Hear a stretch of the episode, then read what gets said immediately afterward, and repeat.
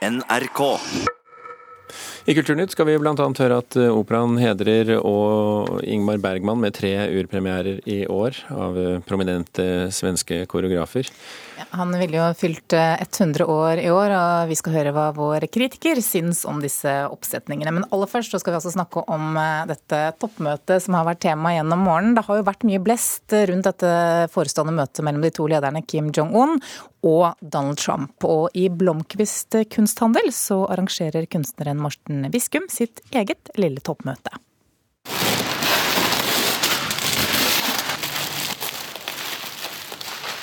Året har holdt seg godt. Den har vært pakket inn siden høsten 2016.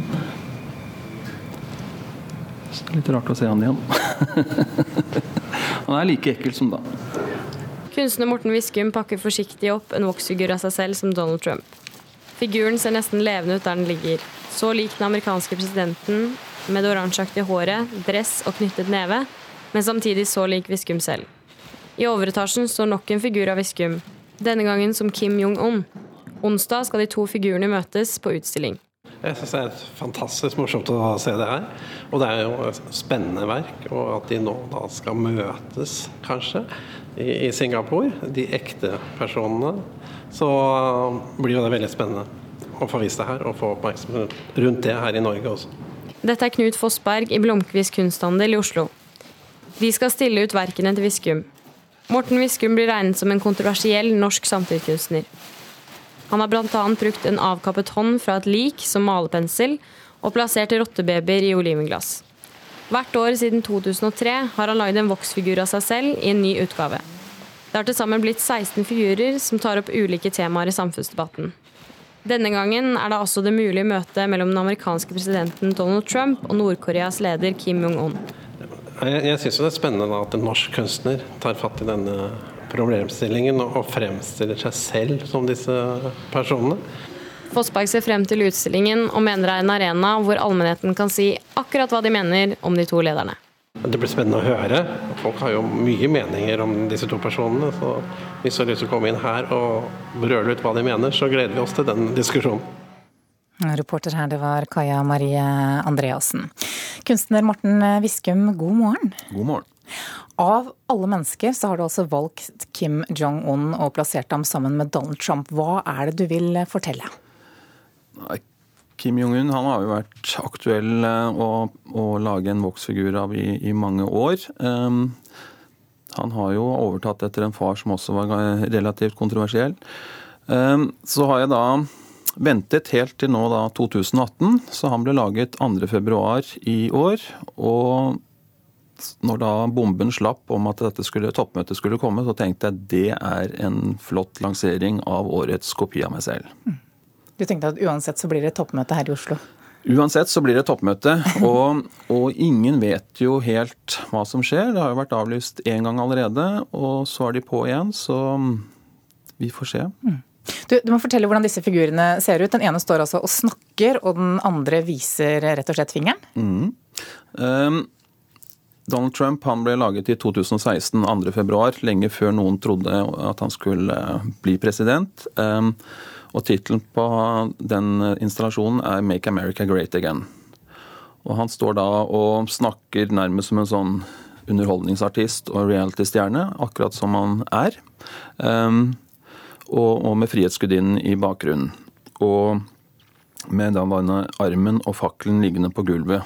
Og så skal han prøve å reise Amerika opp igjen fra der de er i dag.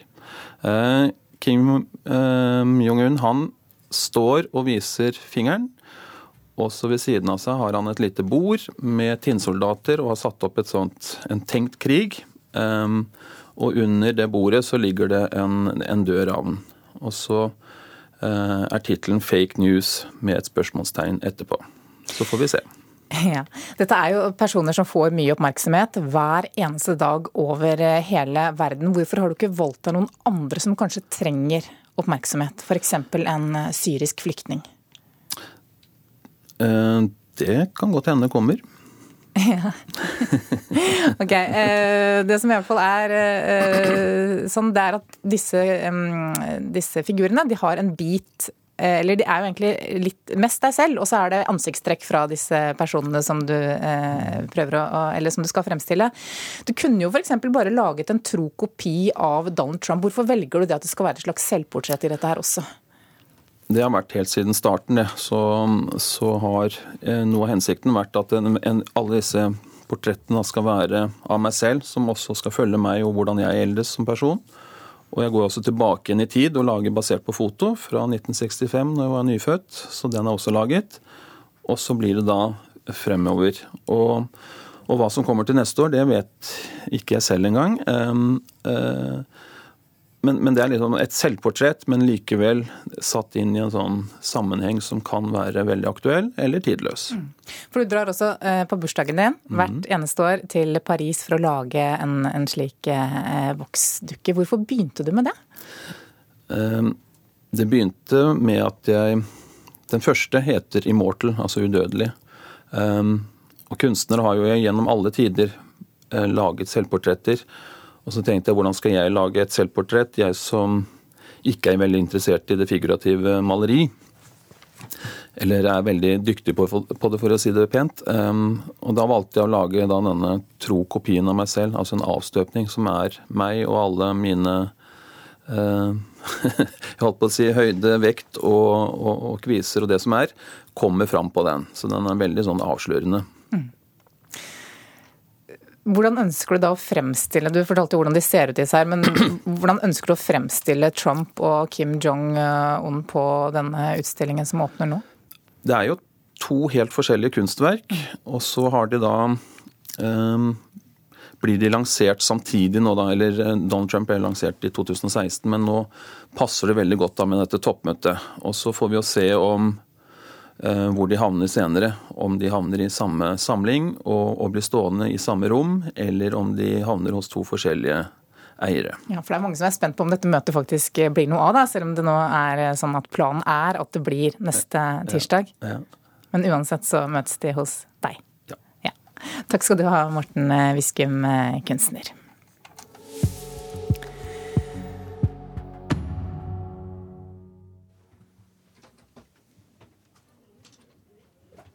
Vi skal Skal vi prøve å kjøre noen av de motorsykkelklappene?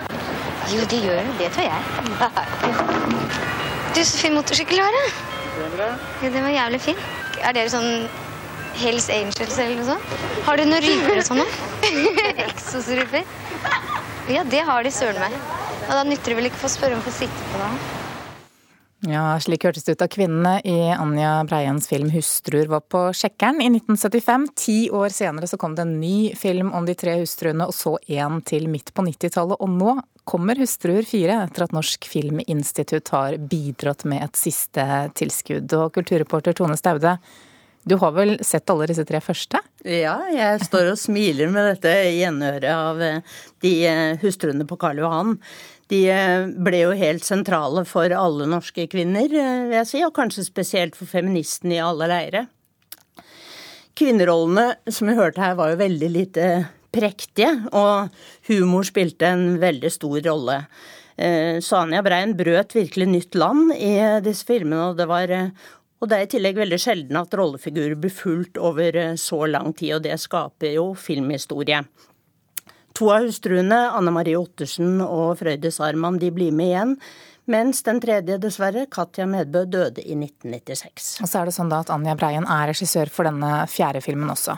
Ja, 77-åringen har også utviklet manus i tett samarbeid med skuespillerne, slik hun gjorde i de første tre filmene også. Men nå er de eldre kvinner? Ja, og mye tyder på at de fortsetter denne harselasen med rollene som samfunnet pålegger dem.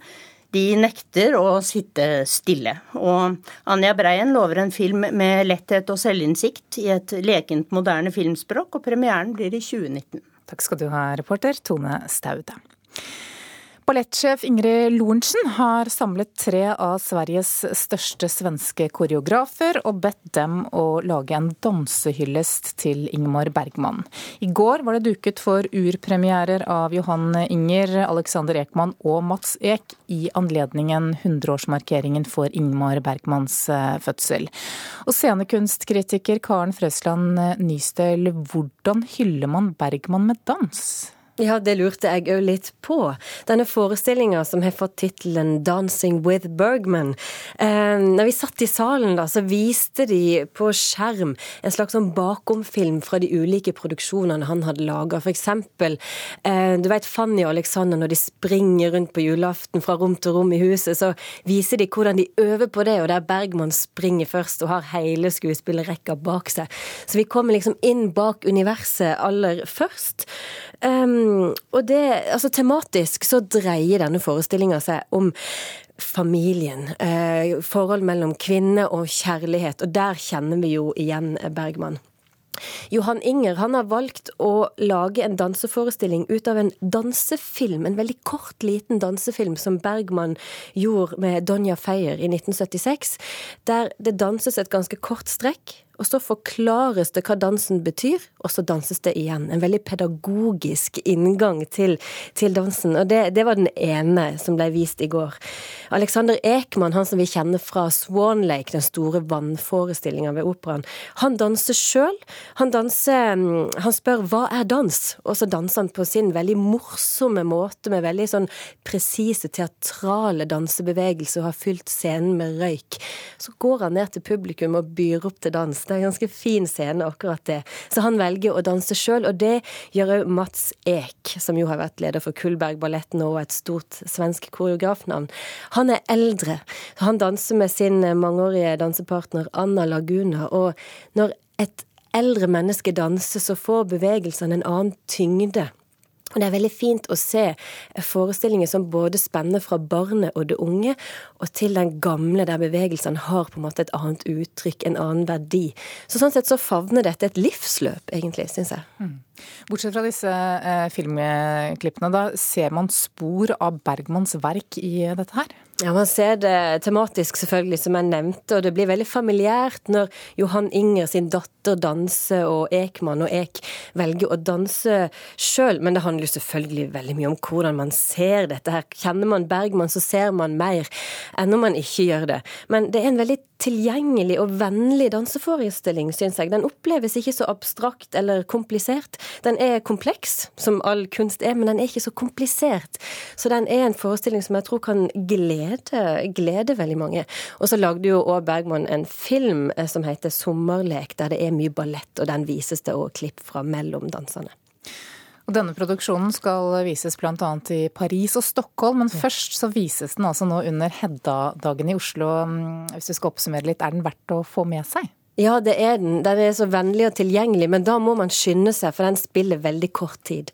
Og rekker man ikke Bergman i operaen, så eh, byr Hedda-dagene på det ypperste av det norsk teater fra hele landet kan tilby eh, i Oslo de nærmeste dagene. Så det er bare å løpe og komme seg på Hedda-dagene så fort man kan. Mm, takk skal du ha, Karen Frøsland Nystel, scenekunstkritiker her i eh, NRK. Er det straks eh, Dagsnytt. Eh, etter det så skal vi bl.a. snakke med vår Asia-korrespondent om dette ekte møtet, toppmøtet mellom Kim Jong-un og Donald Trump.